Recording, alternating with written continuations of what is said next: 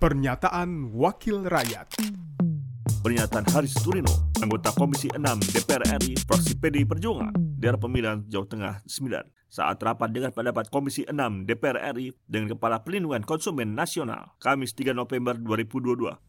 mengenai jumlah kasus. Ada 325, tadi Pak Wakil katakan tersebar di tujuh provinsi, Pak. Bukan 26 provinsi. Tujuh di DKI, Jatim, Jabar, Banten, Aceh, Sumbar, dan Bali. Ini kejadiannya. Tujuh. Yang terkonfirmasi oleh eh, Departemen Kesehatan.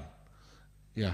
Kemudian eh, yang terakhir mengenai susu formula, Pak. Ya. Tadi Bapak ngomong sudah memberikan rekomendasi-rekomendasi terhadap uh, label maupun iklan ya. Rasanya rekomendasi-rekomendasi seperti ini apakah didengarkan?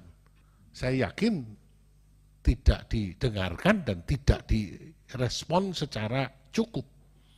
Ya, rancangan peraturan pemerintah tentang susu formula, pembatasan iklan susu formula itu sudah dari 2018 Bu Penny sudah ngerancang sampai sekarang belum keluar untuk susu kental manis sudah tapi untuk susu formula sampai sekarang belum ya ini tolong Pak karena eh, peranan dari BPKN akan vital ya di dalam memberikan perlindungan kepada konsumen di Indonesia.